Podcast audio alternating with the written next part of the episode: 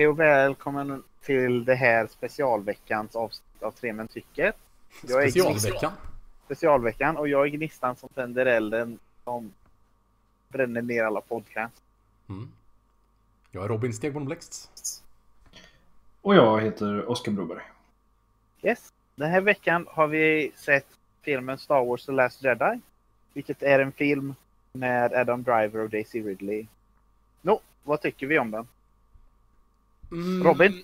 okej. Robin? Alltså, när jag kom ut från biografen så kände jag till första början att det nog var min favoritfilm i franchisen. Men när den har suttit lite med mig några dagar så har den, den sjunkit lite grann från höjdpunkterna i vissa scener. Och jag känner nog att helheten är något som är i toppen av eh, liksom, mina Star Wars-favoriter. Men eh, den tar inte första platsen. Okej. Oskar? Eh, som vanligt så ligger jag nog ganska nära Robin. Eh, jag tyckte om den ganska mycket. Gjorde jag. Det, det var nog ganska nära mig. Så kan det vara. Eh, det jag kan säga är att den har inslag i sig som långt överstiger allting annat i alla andra Star Wars-filmer. Men Mm. det är också den sämsta Star Wars Oj, med ganska okej. bred marginal. Den är... Den här filmen suger. Den är dålig. Den är tråkig. Och det är ju ingen egenskap man vill ha i en Star Wars-film. Ja. Där ser man. Nej, det håller jag med om. Men eh, jag tyckte tråkig var den inte. Tyckte Så. inte jag. Jag känner att jag kan ju ta och förklara det här utbrottet. Mm. Och det är att jag tycker att allting med Daisy Ridley och Adam Driver är jättebra. Jag tycker att... Det är ju inte allting med dem, men jag tycker att det som allting som är bra handlar om dem och relationen dem emellan. Deras ark i filmen helt enkelt. Deras ark i filmen. Luke-grejerna var jag inte jättepepp på. Men allting annat var på uh, det som prequel-nivåerna av bedrövlighet. Det var så mycket filler, så mycket tråkigt, så mycket delar som jag inte brydde mig om alls. Mm. Allting när de är i rymden är bara blö. Right. Jag, Mm. jag sagt, det som jag kom till halvvägspunkten, det som när eh, det intressanta började komma igång och var genuint uttråkad av filmen. Oj. Ja. ja men jag tror ändå att det är ganska många som känner rätt likt vad du säger nu. Mm. Det är mitt intryck av uh, backlashen som kommit. Det samtliga kulturkonservativa kritiker i USA känner liknande. Mm. Jag, nej, jag, jag tycker inte, jag vet inte eller om jag skulle kalla det backlash liksom bara. Jag har sett ganska mycket. Jag, alltså jag skulle inte kalla det backlash utan jag tycker att det är bara, det är, som, det är en rimlig reaktion. Okej. Mm. Det är ju inte en Eh, omvärdering utifrån av den första reaktionen. Det är bara... Men! I'm alright. Efter den uh, klyftan mellan uh, dig och mig och Oscar. Vi, vilken, vi går till den ljusa eller mörka sidan först? Vi kan gå till den mörka sidan. Nej, mörka sidan först. Men jag tycker att ni kan ju, ni kan ju prata om vad ni tycker om den. Alright. Ehm, jag tror jag förstår uh, var du kommer ifrån Samuel. Eh, och jag kan hålla med om att det var Det kändes som att det var en del filler. Eh, men det jag gillade det var mycket. Delvis var det den snyggaste Star Wars-filmen. Det var det. Tillsammans med Rogue One. Men Rogue One tycker jag ju inte var alls lika bra som, som denna. Mm. Eh, och sen, eh, jag, jag gillade Jag gillade ändå det mesta. Eh, eller delar av det mesta. Eh, och, och sen, eh, sen kan jag förstå liksom var man tycker att det blir eh, tråkigt när man, men, men jag tycker att själva science fiction, science fantasy-delarna eh, jag, jag har ett sånt intresse för det så att jag tycker ändå att det funkar. Eh, men jag kan nog förstå att man inte gillar det här rymd, eh, det som händer i rymden så att säga. Men jag tyckte det var coolt ändå bara för att jag gillar science fiction så mycket. Mm. Alltså jag känner också så här. Jag gillar mycket av de delarna som du kanske hade tråkigt med. Och alltså det, det är två saker. Delvis så, så att, hade jag bara roligt med de scenerna. Även om det så här kändes till viss del som filler. jag håller inte med riktigt lika mycket. Liksom inte att det är så stor del filler. Eller att det liksom är filler scener. Utan bara att det, det finns aspekter där. Men, Men den andra tror jag också är att um, jag tror att alltså en grej som även gällde för Rogue One är hur mycket, alltså hur roligt och hur mycket liksom hur starkt Star Wars träffar mig överlag. Mm. Så sen när jämförelsen är för mig mellan den här och alltså framförallt Episod 4, 5 som är de som jag gillar mer. Mm. Så blir det att det här är liksom Det är ungefär samma nivå med att, med att typ Rogue One ligger högre än åtminstone 4. Ja men varför? Alltså det är många delar utav originaltrilogin som jag inte har sådär fantastiskt roligt med. Nej. Så det är bara så här. Jag kan känna att det kanske jo, finns en högre röd tråd genom mindre filler där. Samtidigt och, så är det så här. Men om vi, om vi ska utröna detta så behöver du ju säga mer än att du tycker att det är mer roligt. Mm. Ja, men alltså, jag kommer ju till... Eh, alltså, du vill veta vad det är jag inte älskar i originaltrilogin eller? Nej, nej, det vill jag inte. Jag vill veta vad du älskar i den här. För nu har du bara sagt att det är roligt. Jag förstår. Jag är faktiskt genuint förvånad över att det finns människor som tycker att det här är en bra film. Ja, men om vi kör så här då. Alltså det finns många delar i den här rymdgrejen, alltså med Leia och Poe Dameron som jag gillar. Med rymdstriderna och eh, liksom... Till exempel när hon dör och sen helt meningslöst börjar leva och blir och flyger in i skeppet igen. ah, det var en scen som jag inte... Det var inte ett plus för mig alltså. Eller den, jag har inte enorma problem med den men... Uh... Eller den mega uber cringiga starten med Poe Dameron. Att allting han gör är korkat och ointressant och konsekvenslöst. Uh, Hans alltså... totala brist på karisma. Man tar generationens bästa manliga skådespelare och skriver en så bedrövlig karaktär till honom. Man gör den så dålig. Han har absolut inte den sorts karisma som krävs för den karaktären. Det är så fel. Mm, jag, jag, ser verkligen alltså, det. Men du, jag förstår som Marvel-fan att du gillar karismatiska skådespelare som gör saker dåligt. hmm. Mm. Mm. Det, alltså den här första sekvensen där de ska bomba det här uh, Dreadnought-skeppet. Mm. Uh, jag, jag, gillar, jag hade inget problem med sekvensen. Jag tyckte det var rätt så kul och de liksom, han skämtar med den här superseriösa General Hux och, och sådär. Uh, men det var en sak som liksom slog mig liksom att de har bombare som, som släpper bomberna neråt. Mm. Uh, och då tänkte jag bara, men uh, kan, uh, kan det vara så att dreadnoughten är så stor att han har egen gravitation? eller har de motorer på de här runda bomberna som inte syns?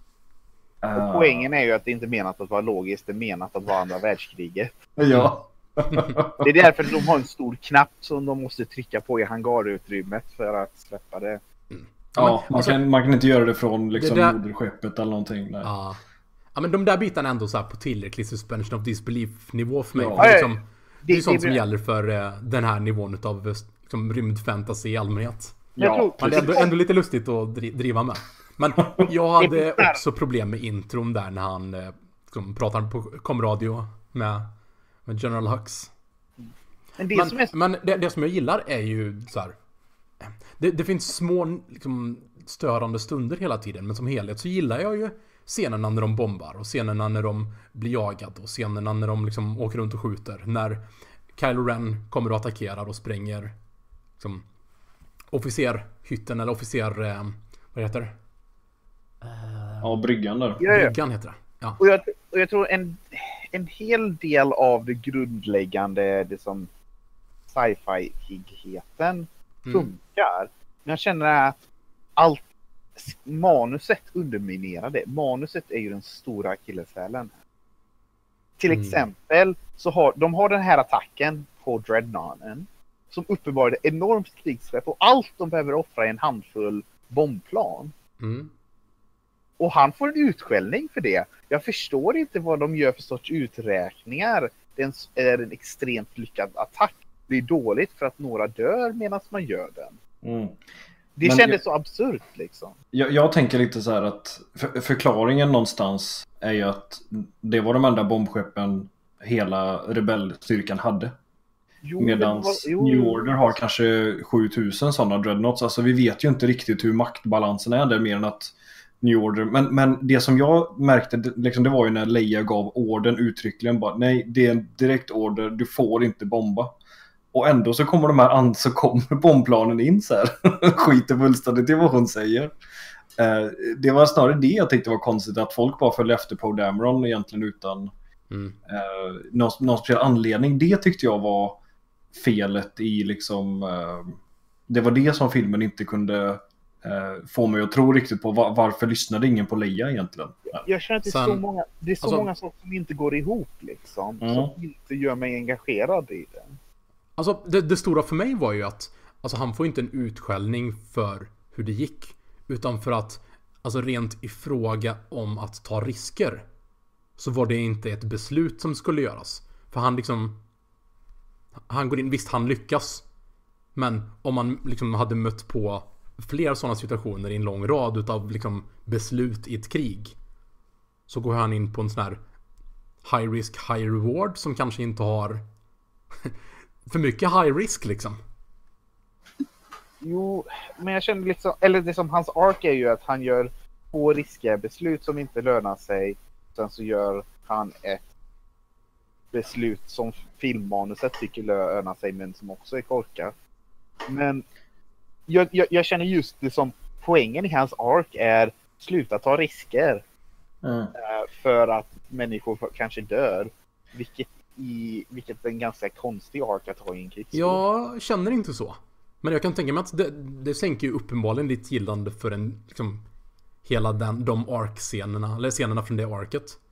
Mm. För mig är det ju bara att han tar onödiga risker för att så här Glory Seeker liksom. Det är ju det, är ju det som filmen framställer som, som jag köper det. Förstår vi, ö- okej. Förstår vi överhuvudtaget varför de tyckte att det var en bra idé att Leia skulle överleva där? Särskilt efter att hon dog en bit in i filmningen av filmen. För mig var det verkligen bara ett stort eh, VTF lite grann för att jag... Det fanns liksom ingen... Eller nu är jag inte någon så här, jag har inte sett de gamla filmerna på jättelänge men för mig fanns det liksom ingen så här... Jag, jag kunde inte se tanken bakom det alls. Eh, vad meningen var. Det, det, det Pratar ni nu om att Leia sprängs och sen använder kraften för att komma tillbaka? Ja, Ja. för jag, för jag det som man hade ju sett. Det som lite av det är med i trailers att det som det antyds att Kylo Ren kommer skjuta hennes rymdskepp och Mm. Och jag tänker det blir ju en grej för att han, han behöver döda sin mamma och bla bla bla. Och sen att han inte gör det och någon annan gör det. Mm. Så det hade man kunnat göra en bra stund av. Men Mm. den stunden blir ju helt underminerad av att hon blir Mary Poppins. Ja. Eh, och sen så känns det som alla scener med henne efter det känns så tomma liksom för att hon har den här absurda plot armor. Mm, ja. Och jag vet, jag vet Det, det inte kände inte jag, även om jag jag-. Jag vet Mm. inte om det var att man bara hade det som man hade redan filmat så mycket som man kände att man inte kunde gå tillbaka och ändra det efter hon dog. Mm. Det är ju Visst, svårt att det- säga men det känns ju som ett så bisarrt beslut att inte låta karaktären dö där. Ja, det, det det, som- jag tror det de hade ha- varit bättre för filmen som Mm. helhet om hon hade eh, dött där tillsammans med eh, Admiral Akbar och de andra. Ja. Mm. Nej, jag håller med. Det hade varit bättre. Sen hade jag Mm. inte problem, liksom ett aktivt problem med att det blev så, bortsett från just den här, som sagt, Mary Poppins-scenen som jag inte alls gillade hur det såg ut. Sen så, sen så kommer Mm. vi kanske till vad jag känner de två största problemen. Och det ena är hela den här sekvensen som drar upp eh, hela andra akten av filmen med de här rymdskeppen som åker parallellt till varandra i samma hastighet liksom. Mm. Men vi, vi kör lite så känner- att vi, vi bollar lite fram och tillbaka mellan eh, spelplanen här när vi tar vad vi gillar. Från lite aspekt efter aspekt. Okej. Ehm, och eh, nu tänker vi på att vi går in på just det här med att eh, den här jakten när de bara håller ligger bakom eftersom de har större större skepp och inte kan köra lika snabbt. Det kändes ju helt arbiträrt. Mm. Jag, jag kände att så här, det, det var en sån här lite på, på gränsen för suspension of disbelief men eh, ja, det funkade ändå.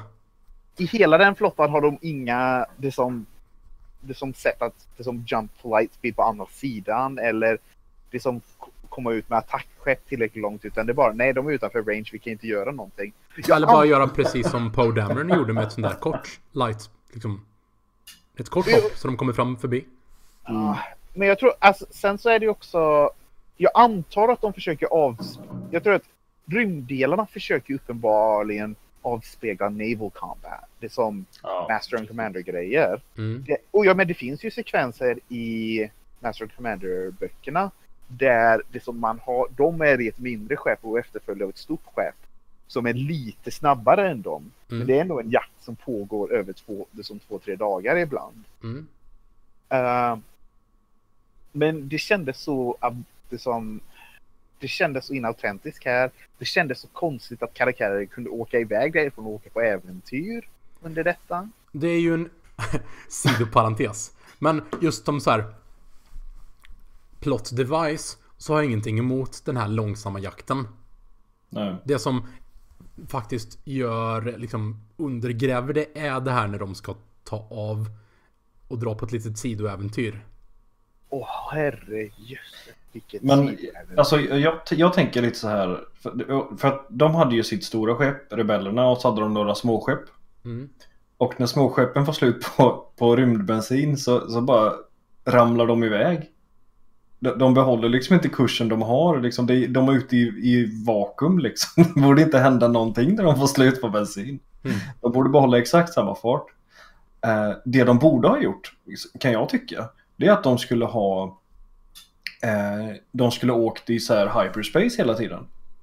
Eh, och haft jakten igenom hyperspace på något sätt och att... eh, Det, det hade varit intressantare alltså. eller hur? Hade inte det varit lite mer intressant? Hyperspace. Alltså i lightspeed eh, tjosan liksom. Jump Att, speed, ja. vad det nu heter. Eh, det- det hade varit lite mer logiskt. Liksom Mm. för att när bränslet tar slut, ja men då kan du inte fortsätta vara i hyperspace. Eller var det nu någon kristall som bränner, inte vet jag hur det funkar. Mm. Eh, jag tänker att det, det finns en lite schysstare lösning men man kan ändå ha kvar den här eh, långsamma jakten då inom citationstecken. Att det ena skeppet är lite, lite snabbare men har mindre bränsle, något sånt där. Liksom. Och deras tracker kändes också så arbiträr. Det som, nu har de bara en liten teknologibrik i sig. Men eh, Men, ja. alltså däremot, det här med bränslet. Alltså det ligger ju egentligen inte i att det har med jakten att göra. Utan med att de behöver bränsle för att hålla skölden uppe. Men ja, just Det Ja. det, är, det är också lite så här. kopplingen däremellan är lite, lite otydlig. Så här. Mm. Vad är det som driver vad? Men eh, jag vill Ja. att så här, se om Känn- fingrarna på sådana saker. För att jag gillar överlag liksom det här rymdfightandet och hur de... Jo, jo, jo. det, det jag skulle säga, jag vet inte nödvändigtvis om det här är mer logiskt än andra saker. Det är så jättemycket som är ologiskt i Star Wars. Mm. Mm. För att det är andra världskriget i rymden liksom. Mm. Men de andra Star Wars-filmerna, vad ska jag säga, genom att vara tråkig, eh, genom att vara så dåligt skriven så blir det att alla de här sakerna sticker ut så mycket. Liksom.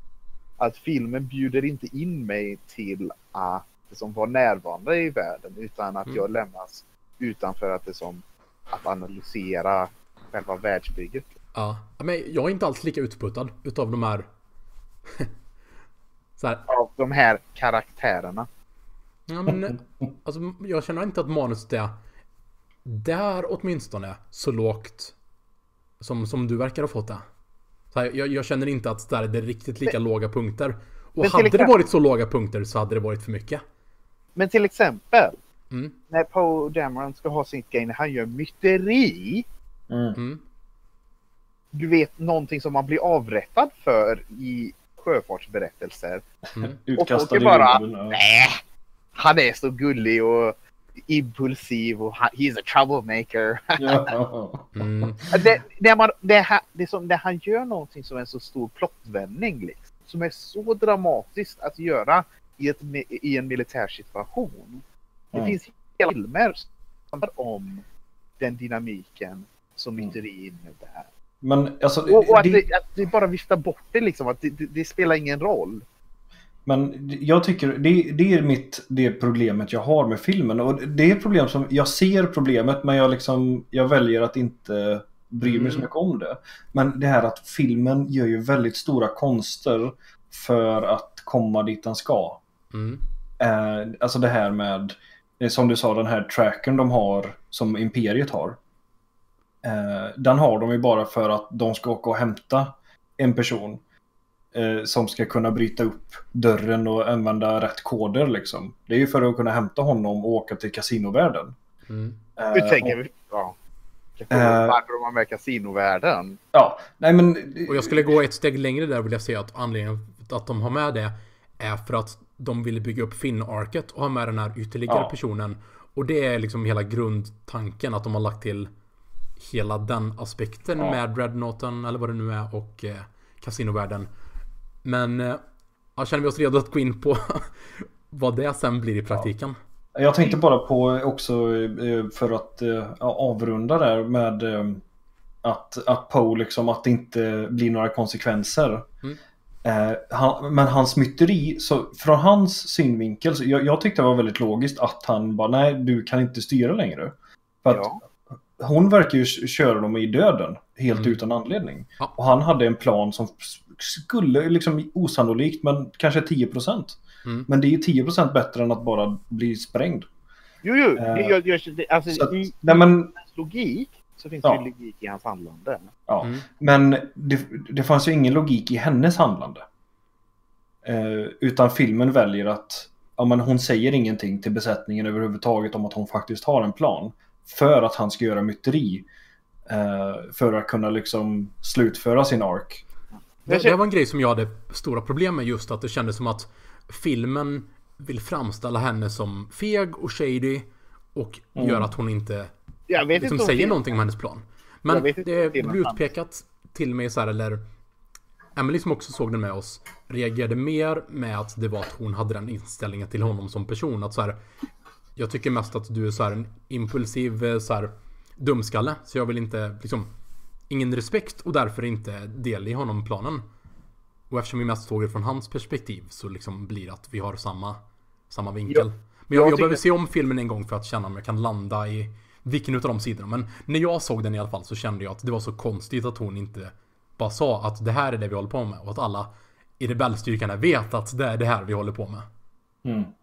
Och grejen är att jag tycker att hon, jag tycker att, jag tyckte verkligen inte om, så- eller hennes karaktär funkade inte liksom. Den Mm. gjorde inget. Det som i en, i en bättre film så hade det kunnat vara det som en neutral bakgrundskaraktär.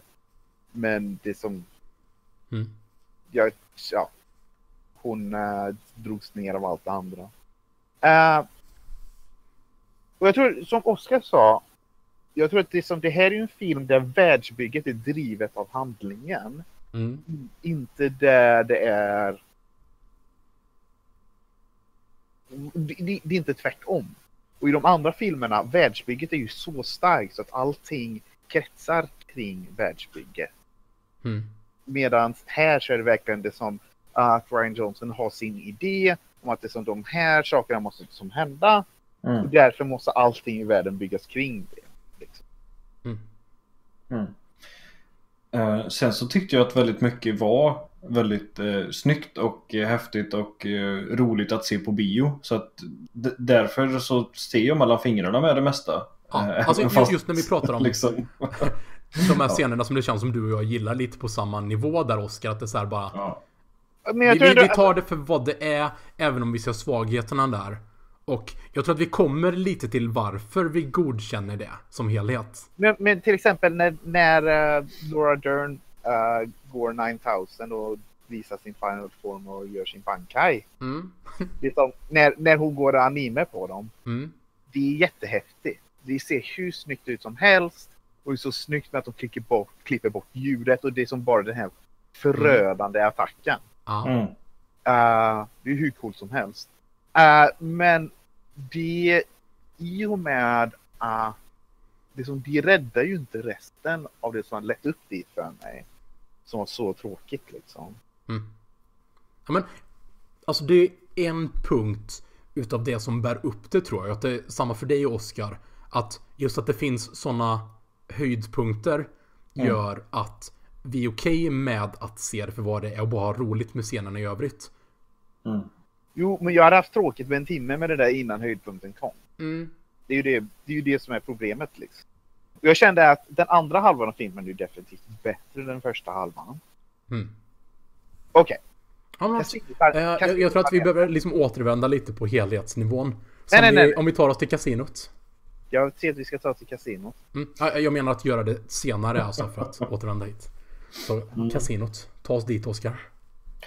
Ja, eh, mitt i den här långsamma färden genom, genom rymden så lyckas eh, Finn och hans eh, fangirl, eh, eh, Rose hette hon va? Ja. Eh, åker iväg i någon liten skyttel till en kasinovärld. Eh, som jag har tappat namnet på, Blight eller någonting. Eh, där de ska få tag på en code, codemaster, keymaster, Oh. något sånt. Ja. Eh, och det här är egentligen, eh, det känns mer som att Ryan Johnson antagligen är vegan och gärna ville eh, berätta lite om det. Eh, kunde jag tycka. Det, Mm. jag, jag tror att det är, det är så... Jag kan inte tänka på något i prequel-trilogin som är sämre än den sekvens. Nej, lägg av. Jag är seriös. Jo, jo då. Det finns ingenting som är så onödigt, så tråkigt, som sänker filmen så mycket. De andra prequel-filmerna, som Attack of the Clones, är låg överlag. Men Mm. det finns inga det som fruktansvärda överflödiga mardrömssekvenser av tråkighet. Jo. Det bidrar ingenting till handlingen, det bidrar ingenting till tematiken, det bidrar ingenting till ingenting.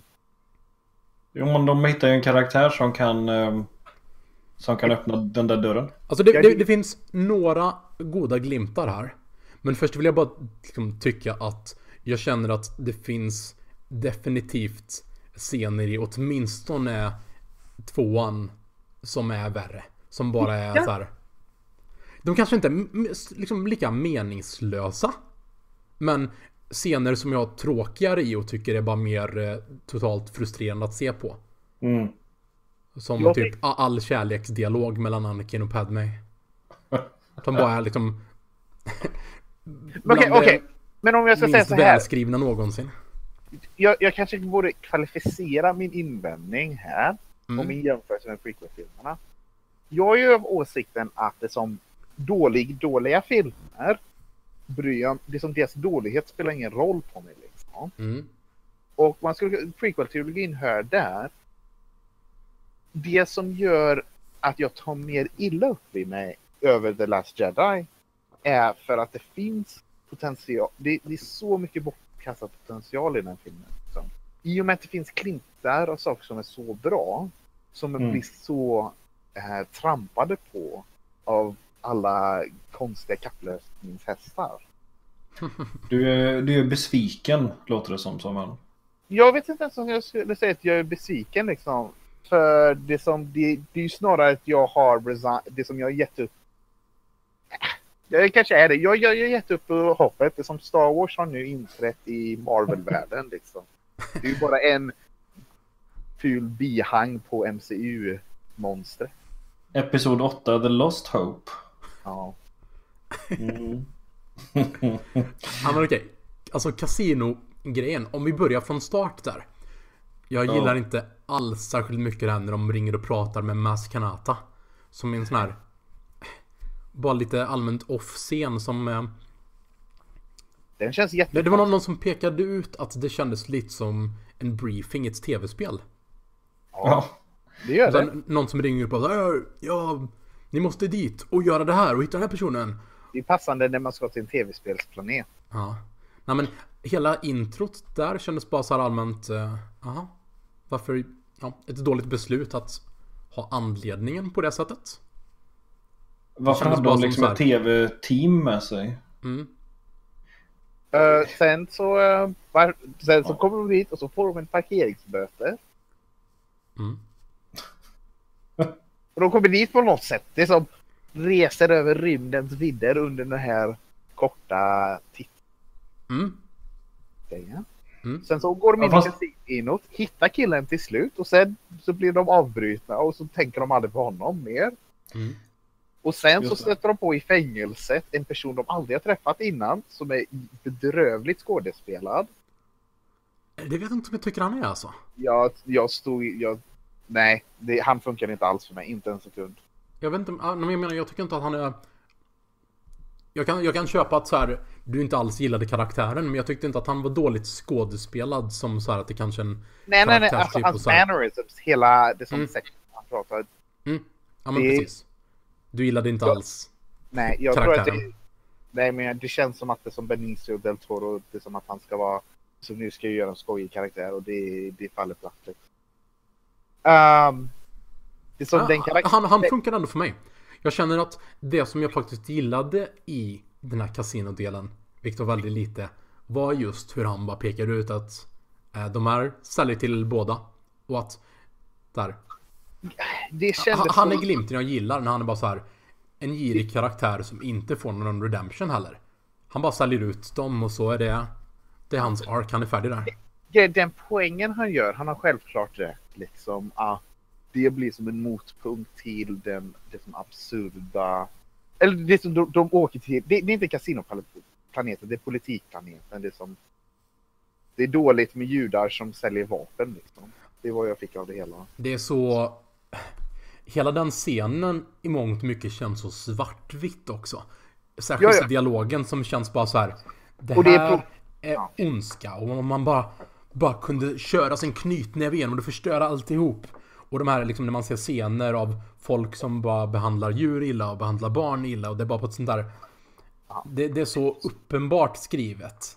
Ja, ja och, och jag tror att det är så... Totalt on the nose liksom. Det, det är ju någonting som återkommer massa inom filmen och det, det är ju så ihåligt och så... Grejen att Star Wars, är ju alltid, Star Wars har alltid haft korkad politik. Men oftast så har det som politiken stått i bakgrunden. Liksom. Uh, och jag känner att det när man tar det till förgrunden på det sättet. Och har det som dåligt skrivna monologer om politik. Mm. Att det blir så mycket värre. Och det som drar ner så mycket. Och sen! Så Jag skulle säga de- att det är mer i förgrunden i prequels. Men... eh, Ja, det här är ju... Ja, men det- just det politiska är det ännu mer dåligt skrivet utan tvekan. jag tror pre- pre prequels är ju där politiken funkar liksom. Ja. Det är där politiken faktiskt är en, den övertygande del av världsbygget liksom. Mm. Eh, men ehm, det är som den korrupta inkompetenta, centralregeringen med det? alltid. Um, ja, men hela sekvensen där är bara tråkig på nästan alla sätt. Mm. och sen hur kunde de, det som de här visste inte den här planen de skulle göra för att evakuera. Hur kunde Benicio del Toro veta det och avslöja dem? Det kunde han inte. Det var bara handlingen som skulle säga så. Nej, jag, jag tror bara att han visste det för att han varit ombord liksom. De har bara liksom... De trodde att de kunde lita på honom. Jo, men de, alltså Finn och Rose kände ju inte till den här planen. Mm, Mm, hmm.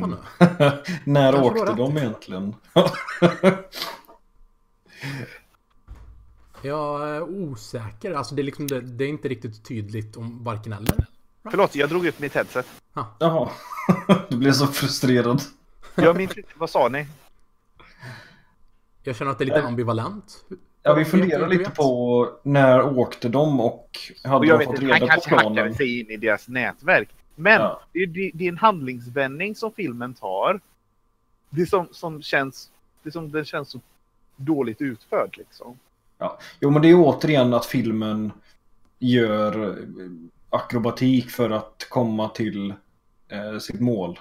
Ja, och, det, och just nu så är målet att den vill att Finn ska slåss Mm, mm. mot uh, Brienne of Tarth. Ja, just det.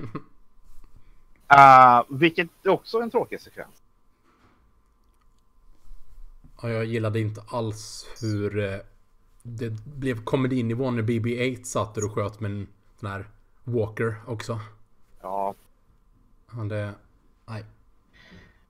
Men en sak som jag så här kom, som slog mig nu, Samuel, när du sa det, liksom att de kunde bara åka iväg hux flux från eh, till den här kasinoplaneten.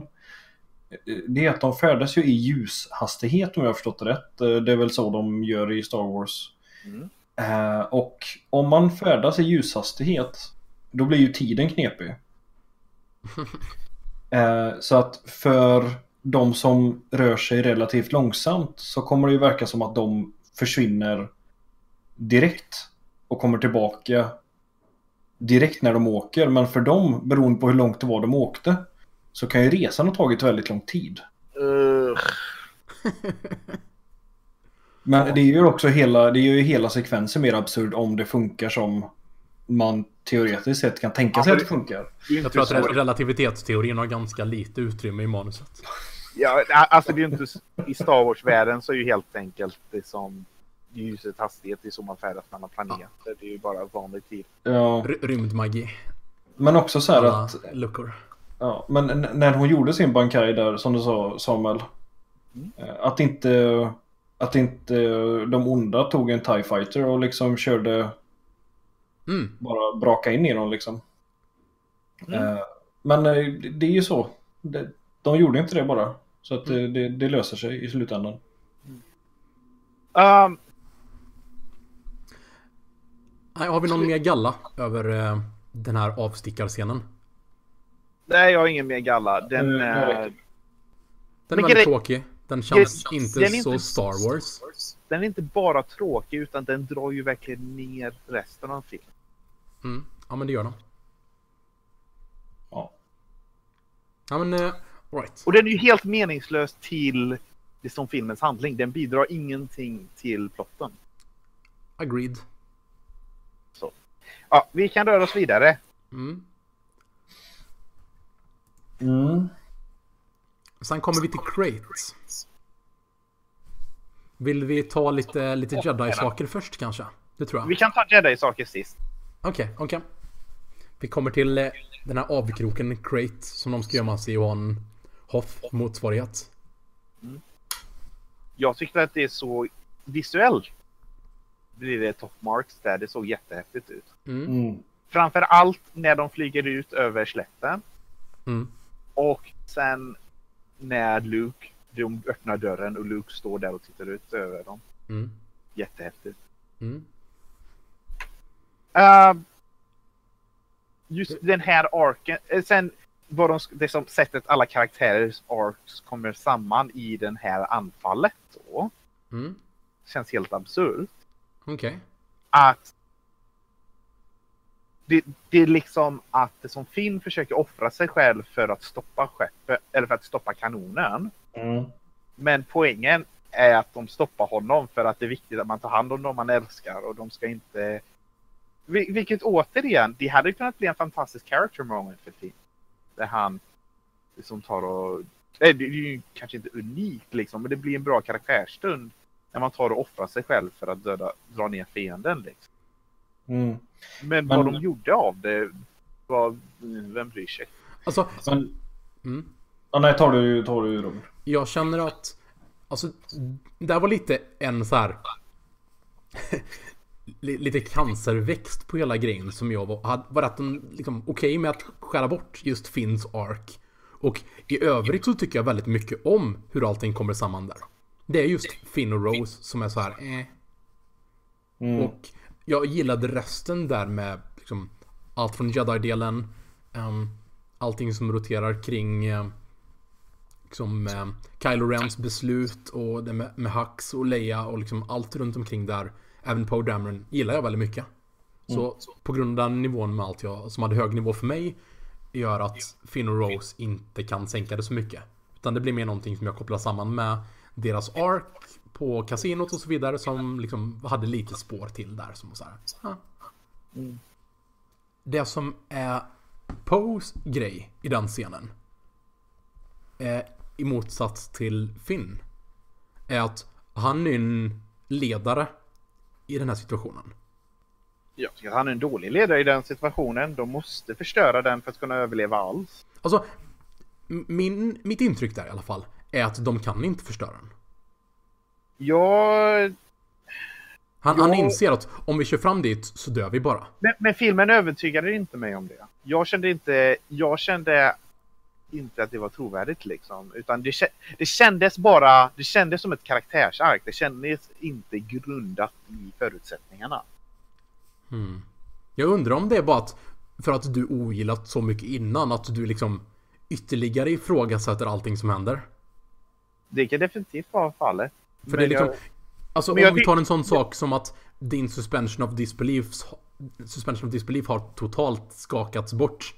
Så mm. köper du liksom Du är mycket mer motvillig att köpa alla sådana bitar, eller hur? Ja, precis. Men jag, jag, jag tycker ändå... Men återigen, jag tycker inte att, vad ska man säga, välja av från det anfallet för att kanske försöka något annat tyckte jag inte är ett särskilt intressant beslut. Och jag tycker att man måste ha en... Jag, menar, jag tror att det finns en film där man kan göra ett intressant beslut av det. Men jag tror inte att detta är den filmen. Ja, men för mig funkar det. Alltså det blev att, mm. just att inse att, okej, okay, det är inte alltid bara att försöka göra det som är mest hjältemodigt som är det korrekta. För här är bara, de inser att det här är ingenting annat än ett självmordsuppdrag. Det är liksom high risk, no reward. Men, men jag tycker att, alltså, hade man gjort en Charge of the Light Calvary av det och det som det som de går in på självmordsattacken, de dör alla men de spränger maskinen och alla andra kan rymma på grund av det. Det, det tycker jag det hade varit dubbelt bra. För det första hade, varit drama hade vi haft dramatisk tyngd. Och sen så hade Finn och Poe dött och så hade vi sluppit dem i de senare filmerna. Mm. Mm. Men eh, det kunde jag känna var lite så här... Eller jag tycker alltså, faktiskt... Ja, men ett, ett tema i filmen det är ju det här liksom bort med det gamla och, och in med det nya. Um, och det här att de um, eller att uh, Ryan Johnson antar jag vill ha han gör en twist på väldigt mycket. Och det börjar redan precis eh, när liksom när Ray kommer till Luke och han bara kastar bort mm. eh, ljussabeln liksom det första han gör och även det här att, att Finn, Ja precis men, och att Finn då blir, blir räddad av Rose. Eh, liksom för att det man hade förväntat sig var ju att han skulle offra sig där i det läget liksom. Nu har han lärt sig hur man är en hjälte och så hej och hå. Eh, och eh, jag kunde känna att filmen tog det lite för långt ibland att, uh, att det blev att det, all, det aldrig skulle bli som, uh, som man förväntade sig som publik. Mm. Uh, men det blir en ganska litet så här klagomål från mig egentligen. Men, men och det var väl kanske det tydligaste exemplet där att Finn inte fick offra sig. Liksom. Mm. Och alltså, för mig i den scenen så var det ju inte en fråga om att de kunde offra sig för att vinna. Eller liksom för att förstöra kanonen. Utan det var att i den scenen så hade han potentiellt kunnat dö eller inte dö. Och Poe gjorde beslutet att inte bara onödigt offra folk liksom. Tänk vilken intressant, se. tänk vilket intressant, eller som vilken dramatisk tyngd det hade varit om Finn hade offrat sig. Men det hade visat sig vara meningslöst. Mm. Tänk vilken... Just den biten är som sagt, det är inte det jag försvarar. Finn och Rose där. Jag, och, och det tänkte jag komma till också. Jag hade gillat om han offrade sig och dog.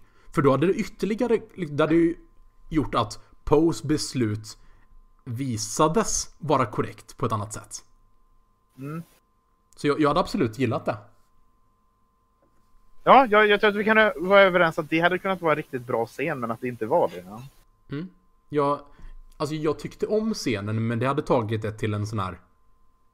det hade blivit en, en, en great scene liksom. Nu var det mer en sån här, ja det var jag, snyggt. Det, det jag föreslår är att du kanske har en fanboy-tumör i din hjärna. Som förhindrar dig från att känna av de enorma bristerna liksom. Men... Mm. Kanske. Vi får se. Jag kan ju gå och rota runt där lite. Mm. Mm. Uh, yes, uh, vi, kan, vi kan ju börja prata om eh, det roliga och intressanta i filmen. Mm. Det vill säga Adam Drivers försök att rädda filmen. Jösses vilken bra skådespelare Adam Driver är. Det här är perfekta rollen för honom. Ja, han är mm. jättebra. Han, han är så, han är så, det, det, som, det är ju samma energi han hade i första filmen. Han var ju det som gjorde första film, eh, The Force Awakens så bra. Mm. Uh, och han har ju verkligen samma energi här men det är det som blir skruvat upp till 11. Mm. Och de gör så mycket med hans karaktär och hans relation med Ray. Och det är ju så, den är ju helt drypande med kemi. Liksom. Alltså, de, den här grejen... jag, jag vill egentligen ta ett steg bakåt innan vi kommer hit. Men... Eh, vi, vi gör det istället förresten. Okej. Eh, när Ray kommer med ljussabeln till Luke och han slänger över axeln. Mm. Vad tycker vi om det? Nej, nej, jag bryr mig inte. Nej. Alltså, det, det kändes som att man ville ha en lite rolig twist i början. Mm. Eh, Jag gillar inte tyckte riktigt hur det var gjort. inte det funkade så bra. Mm. Jag tror mitt problem med den sekvensen på ön, det funkar inte jättebra för mig heller. Det, det finns ju delar där som pekar emot det som jag verkligen gillar och det gillar riktigt mycket med film. Ja. Alltså, sekvensen Men- på ön funkar nej, nej, nej. som helhet. Nu, låt mig prata. Du avbröt mig. Prata. Eh, och det är... ehm, det, just alla de här grejerna där Luke pratar om the force. Och att det, som, det, det, som, det är det som är mellan allting och Jedi kan inte ha det och det är balans och ljusa sidan och mörka sidan. Bla, bla, bla. Allt det är nonsens. In, även inuti världens egna logik så är det, det är inte logiskt sammanhängande. Och grejen är att i de ursprungliga filmerna så går de aldrig riktigt, går de inte särskilt mycket in på djupet av det. Utan det är rymdmagi med lite vag orientalisk religion liksom. Men liksom det här tanken på balans mellan ljus och mörker som är så centralt som de återkommer till. Det finns ju ingen logik till det. Liksom, de som är mörka är onda, de som är ljusa är goda. Poängen är att de goda, det som ska förstöra dem som är onda. Det finns ingen balans där. Mm. Det är ju en manikeanistisk, eh, manikeanistisk världsbild. Och grejen är att det som, när det, när den, det som jedi-religionen, och det är ju intressant att Luke kallar det just en religion. Ja. När den är i bakgrunden i de andra filmerna, då funkar den. Men med den, det som inträder i förgrunden liksom, det tycker jag också är jättetråkigt. Och kände inte alls engagerad i de delarna. Okej. Ja, jag, jag gillade det. Mm, det gjorde jag med. Det var... Det kändes som att de försökte ju... de hade ju ingen större lust att prata om midichlorians eh, i den här filmen. Jag gillar Midichlorians mer än det de pratar om. ja.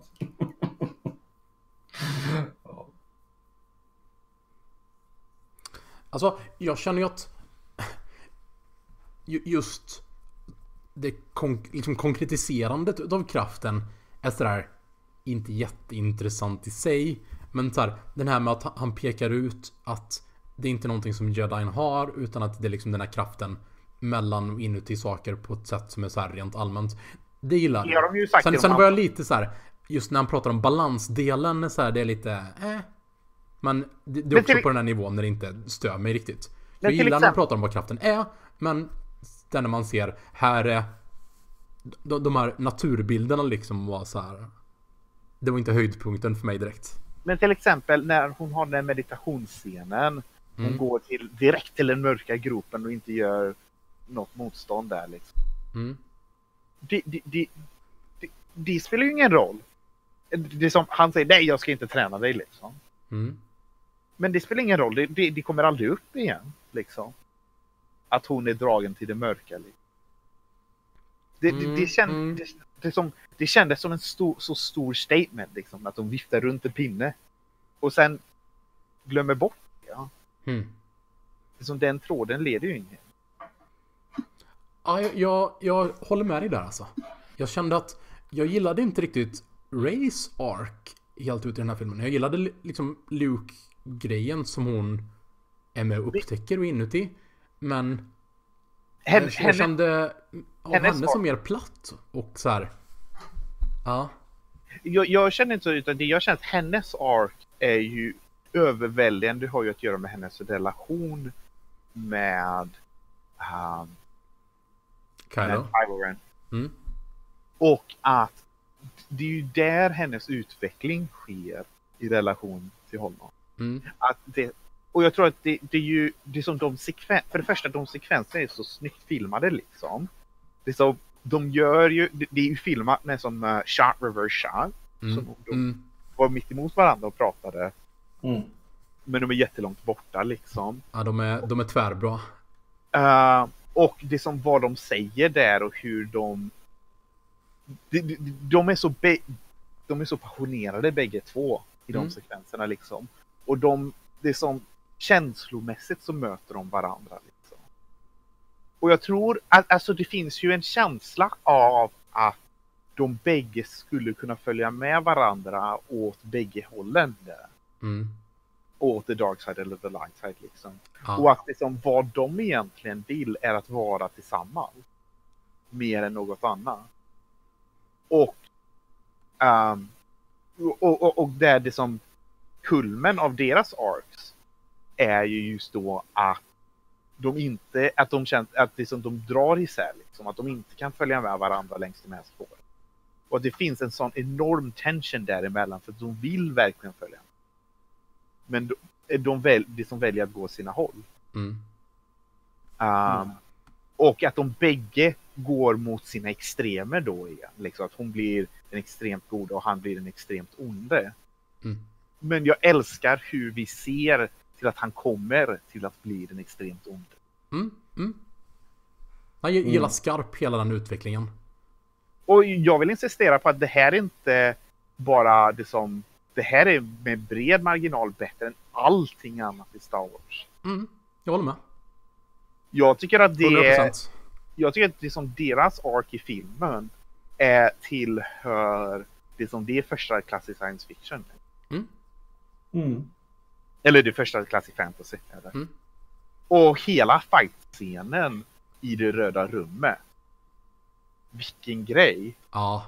Ja, den är strålande. Mm. Det var... eh, det var nog den, eh, den häftigaste fightscenen i Star Wars. Mm. Det tror jag. Ja. Eh, också att den var... Den är så intensiv med just för att de är inte sådana här odödliga jedis som det var i liksom när det var i, Ja. pre, i prequel-filmerna. Liksom, de kan inte studsa runt och hoppa på väggarna och sånt där utan de slåss mot riktiga proffs. Mm. Liksom. Mm. Eh, Kylo, visst han, han har ju tränat mycket och sådär säkert men det är inte så att han varit... Nej, precis. När han slåss mot och- tre fiender så är han fortfarande inte... ja. Då är han Det är inte som- tillräckligt odödlig liksom. Eller det som när hon tar och kastar ljussabeln till honom. Ja. Som han fäller Ja. ut genom ansiktet på honom. Det finns ju... Det, det var den scenen som gav mest jubel i min biograf. Ja. Och det, alltså det, det var... Alltså det fanns ju en... Säga en... eh, Det, det, det, är som den, det, det, det är motsatsen till den kritiken jag har emot Marvel Fight-scener liksom. Mm. Den kändes så grundad och fysisk och tuff. Mm. All right. Och den hänger så mycket. Och den har ju också så, så mycket att göra med det som, det som de är gjorda att vara tillsammans och slåss.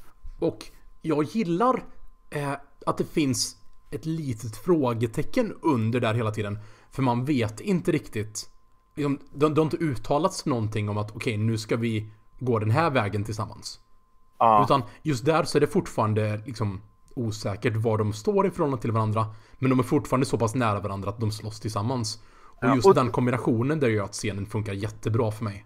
ja, och efteråt. När, det är som när han försöker övertyga henne att vara med. Mm. Det är som, det som man hör verkligen hur mycket han vill det. Ja. Han är, det är som han låter så övertygande. Och sen också scenen, det som i Sith lore.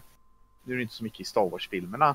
Men i det som all expanded universe. Så är det Sith-grej att det som Sithar dödar sin mästare. Liksom. Mm. Mm. Men här så gör de det som att det som vi vill se honom döda mästaren. Mm. Det är som att det blir en segergrej. Och att det är som att den, de här mörka intentionerna i honom vänds emot mästaren. Mm. Ehm, och, e- men, och även i, in i det sista där, jag minns inte exakt, så får jag det som känns att det som Ray inte trappar förtroende i honom. All right. Eh, Jag minns inte riktigt. Nej, kanske inte. Ja, Ehm, ja, ja, nej, det kan vara så. Jag, jag känner att det, ja, det lämnas nog helt klart öppet. Så här, Snoke, henne, hennes eh, liksom, perspektiv till honom. Snoke tyckte jag inte alls var intressant. Liksom.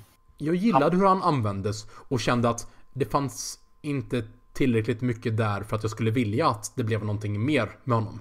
Utan så här, han funkade för att fylla den funktionen och i att fylla den funktionen så gillade jag, gillade honom. Mm. Det var den twisten som jag gillade mest också så här att i, i Force Awakens så visar de liksom det här enorma hologrammet liksom och folk har teorier om, om men vem kan det vara och kommer den från en annan galax eller är det Darth uh, Plagueis the Wise liksom vad, vad, är, vad är det för något liksom och så bara dör han efter halva filmen. Mm. Uh, det, var en, det var en sån twist som jag gillade. Jag tror att man hade, jag tror att man hade kunnat göra honom mycket sämre. Mm. Mm. Det är som att ha massa exposition och lore om honom. Liksom. Men jag kände att han var... Det funkade inte. Jag kände inte särskilt investerad i honom som skurk liksom. Utan det som han är där för att Kylo Ren ska döda honom. Mm, men, alltså, för mig så blev det mer av en... Den, den här sortens stängda dörren som funkade liksom att så här. Det var saker som man inte känner till och inte behöver känna till. Mm. För fokuset ligger på Kylo Ren. Hans inflytande på Kylo Ren. Nej, visst. Jag, jag kände inte så, men jag kan, jag kan se att man skulle känna som den. Mm. Ehm, Det är ju inte sån här wow, Snoke var en bra punkt. Utan bara så här. Jag gillade hur han användes. Mm. nej. Kylo Ren, eh, jösses för bra han är. Mm. Och sen, det, det, och det som hur unhinged han är efter den sekvensen. Mm. När han ska slåss mot Luke. Och, Och Luke, när han slåss mot Luke på slutet, det, jag menar det funkar, det funkar inte... Jag, jag har inte jättestarka känslor om den liksom. ja, jag tyckte jättemycket om det. Med den revealen. Också just eh, hur det var en viktig stund när han så här. ehm, det var en viktig del av Kylo Ren att ha det här utbrottet. När han så här. I'm sure you are. Liksom när, när han. Säger att han är ledsen för vad som hänt. Ja, eller vad det nu är nej, exakt. nej, jag, jag, nej, jag tänkte mer det som jag är lite ambivalent om är just det här att det var bara ett hologram. Mm, Okej. Mm. Uh, nej, men visst, att det, att det blir ett sånt uttryck för Kylo Rens ark. Det är som att Mm. han, blir så förtappad liksom. Vi ser honom bli förtappad och hur han kom dit. Ja. Um, Nej, och alltså hela uppbyggnaden till det. det där kan vi gå in lite snabbt på också. Hur den här trescens uppbyggnaden av vad som har hänt mellan Luke och Kylo Ren. Eller Ben Solo. Hur känner vi om den? det var inte det mest välutförda kring Kylo Ren i filmen, men det, som det, det gör sin grej. Liksom. Mm. Det är ju... Jag, jag gillade det. Det Mm. var... Det var ett bra sätt att liksom eh, spara på mysteriet lite grann också över filmen så. Mm. Jag hade tyckt det mycket, jag hade tyckt mycket mer om det om man hade stannat kvar vid den andra och bara Luke hade blivit Craig Craig. Ja, just det. Okej. Jag, hade, jag hade tyckt att det som en unhinged Luke hade varit mycket mer. Nej, det hade jag nog inte gillat. Det Nej. hade varit en intressant berättelse men jag hade inte gillat det. Det hade det fått din fanboy-tumör att gå i overdrive. Ja, ändå är jag Ja. inte så mycket Star Wars-fan alltså. Nej, men du är MCU-fan och det här är ju en del av MCU nu. Ehm, Starlord och gänget kommer så är det. Nej, men det är no doubt. Nej men lite mer allvarligt, alltså jag tyckte väldigt mycket om hur, alltså när vi kom in på den, alla, den tredje nivån utav det. Att han så här, han så, såg någonting mörkt och i sin hybris så var han bara så här: okej, jag måste göra något åt det här. Liksom he, hela grejen med hybris som Luke Skywalker för i, i den här filmen gillar jag jättemycket. Och hur det var en del av uppbyggnaden tyckte jag funkade jättebra. Funkar inte riktigt för mig just det här. Hans hybris. Kanske, kanske i en bättre film hade det funkat. All right. Jag känner ju att det är inuti bara de bra delarna utav filmen. Vi, ja, jag men jag tycker det... Jag Och det, det är också så här. Okej, okej. i- Luke var den sämsta delen av, av den bästa delen. Nej, det tycker jag inte. Jag tycker inte att han var dålig. Jag tycker att det var det som i relation till det som den det som blixtrande energin som fanns där. Nej, jag, jag gillar honom jättemycket. Så det är liksom... För Eh, mig är det liksom de, de tre pelarna som bygger upp liksom, den riktigt fantastiska delen av filmen. Jag gillar att jag gillar revealen med Rays föräldrar. de är de är ingen viktig. Där är jag mer ambivalent alltså. För jag tror, hade det varit en, hade det varit någon viktig som vi inte känt till hade det varit en jättekonstig reveal. Hade det varit någon viktig som vi hade känt till så hade det varit en jättekorkad reveal. Det Alltså- här var den enda utvägen. Jag har ju hela tiden velat att hon ska vara liksom inte kopplad till någon viktig karaktär utan att det skulle vara så här. Men jag kände att revealen var mest konstig och det blev liksom inte så mycket av en så här. Jag, Jag, tycker kände inte- aldrig att det blev en riktig reveal. Så jag ju inte riktigt övertygad när jag såg filmen om att så här, är det, var det någon som faktiskt visste hur det liksom låg till eller inte? Eller var det bara Ja. något som så här, de såg visioner som man inte vet ifall de är sanna eller ej? Och det Ja. liksom... jag, tror, jag ser ingen anledning att tvivla på det. Men jag tycker att det var så snyggt utfört. För att när han säger det till henne. Liksom att hon inser. Det som, när när han börjar säga det så inser hon det själv. Mm, Att det finns en. Inte nödvändigtvis ömhet i det. Men det finns en enorm intimitet att det är bara jag som vet den här hemligheten om det. mm. Ja, men jag, gillar hans reaktion och så här hur det är en del av deras, deras intimitet och närhet. Och hur det blir att det som, det som du inte inget för mig. Liksom. Att Mm. det, det är någonting han verkligen menar. Men eh, för mig var det bara just att det gick mig förbi att det här var någonting som filmen menade att vi skulle ta som sanning. Jag tycker det, det är helt oambiguöst att det är sanning i filmens värld. Och om de skulle in, underminera det senare och visa att hon egentligen är Obi-Wans dotter eller något. Mm. Ja, det skulle jag ju inte heller gilla. För det är som sagt, jag, jag vill ju att hon ska vara... Korkadhet. Jag vill ju att det ska vara så här. Det var bara att för mig så fick jag aldrig en reveal. Utan liksom... Nej, det, det var bara att liksom... För mig så kändes det ambivalent för att hela den här scenen var så här magisk på det här ehm, inne i ett um, dark side ställe som bara liksom leker med ditt sinne. Ja, och att det skulle vara ett darkside-ställe fattar jag inte riktigt. Hon är bara inne i en stor Ja, spegelhall. liksom. Men, ja och det, det är ju Och också jag menar, lite vad som spegelhallen- "Jaha, vad händer här? ja. Okej, nu tycker jag att vi kan börja wrap it up. Ja, Före vi wrap it up, på en skala från 1 till 5, hur många, hur, vad tycker vi om Porks? mm. Jag gillar att det var samma person som gjorde mocap för Porgs som gjorde det för Snoke. Really? Ja, det är Eh, Andy Serkis alltihop. Porgs får 5 av 10 av mig. Jag är precis neutral. Jag ger Porks 4 av 5. Okej. Jag skulle Ja. definitivt äta Porks. Jag tycker att 11, 11 av 10 för mig. Är det så? Ja, det, Eh, Fantastiska små kryp. Nej men jag, jag, gill, jag gillade jag, jag gillade faunan eh, i, i den här filmen. Mm. Eh, de här små eh, vaktmästarna på ön och Porgs och de här is Pokémon på i Staltplanet. Jag, jag, det var, jag gillade design. Jag, det, var, det var bra. Jag gillade det. hur många Pork-dockor ska du köpa till Viola? Ja, vi får se när de går ner i pris. Okej. eh, om vi då ska ge helhetsbetyg till det här, Robin? Mm. Ja, den är en great för mig. Jag älskar delarna med Jedis så mycket och jag tycker om att ha det roligt med övriga delar. Så det är en great bara på grund av hur, hur höjdpunkterna håller upp resten. Jag ger den en good. Ja. Det, nej, great det kan jag nog inte motivera för mig själv i alla fall. Och jag ger en bad. Bad alltså. Oj. Inte terrible i alla fall. Nej, men det är, det är på gränsen till terrible. Mm. Och jag tror att jag, besvikenheten är faktiskt en intern besvikenhet. Det är för att de scenerna som är bra är så rysande bra. Men att de inte har, att allting som överger dem, eller överger, omger dem, ett Mm. str- det som är så långt under i nivå. Mm. Det är så förbluffande liksom.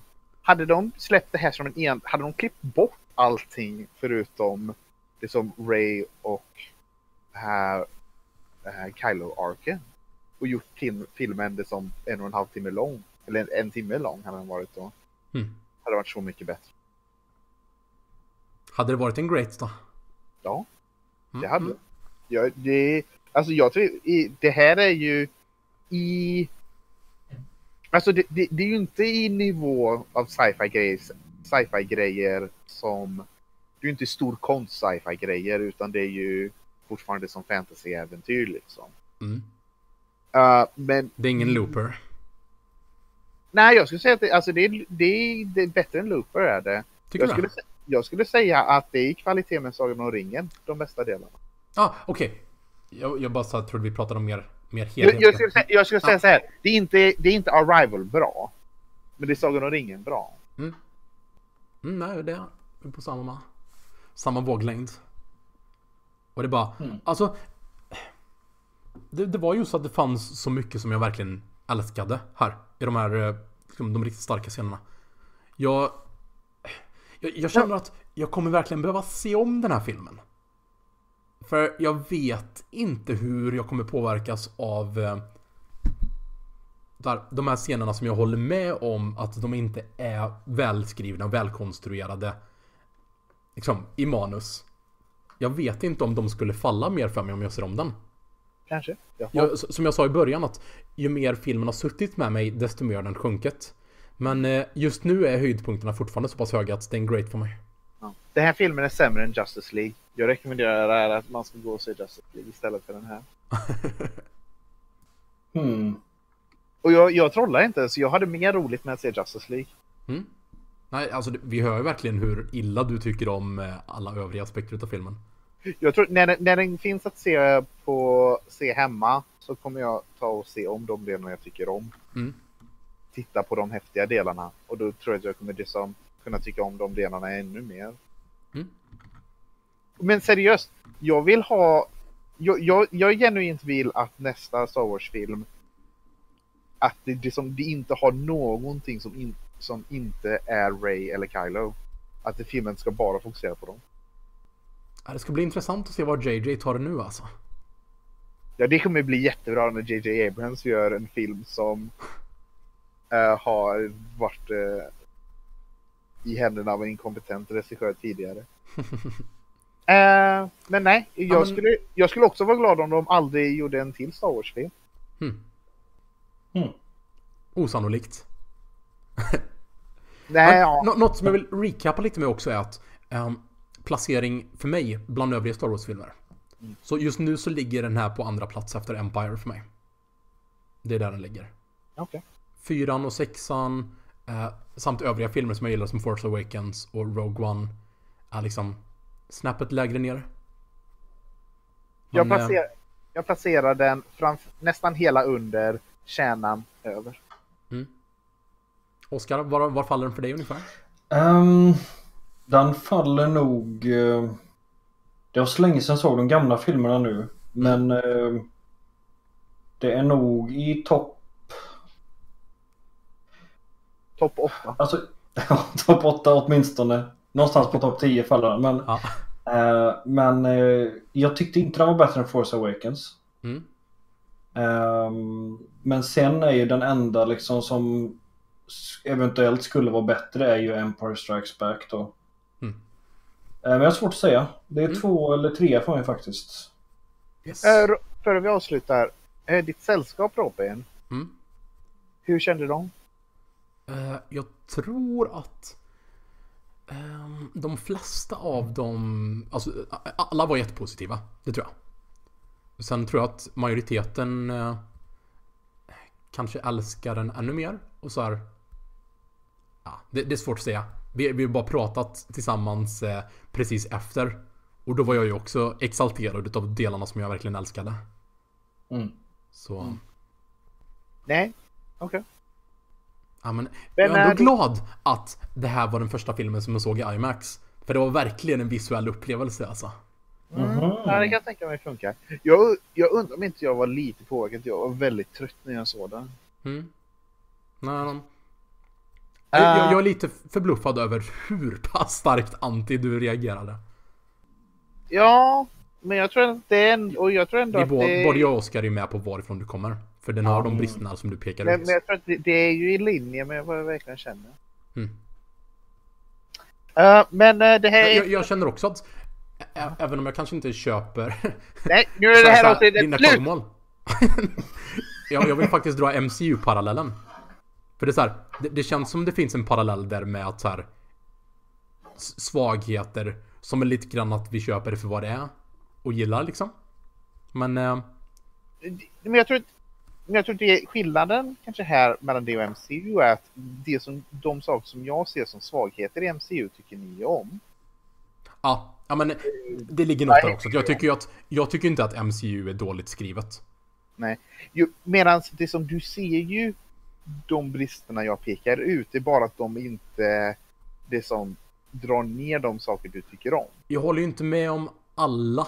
Däremot så finns det ju aspekter som jag känner att Alltså du har rätt i att det skulle vara bättre berättande.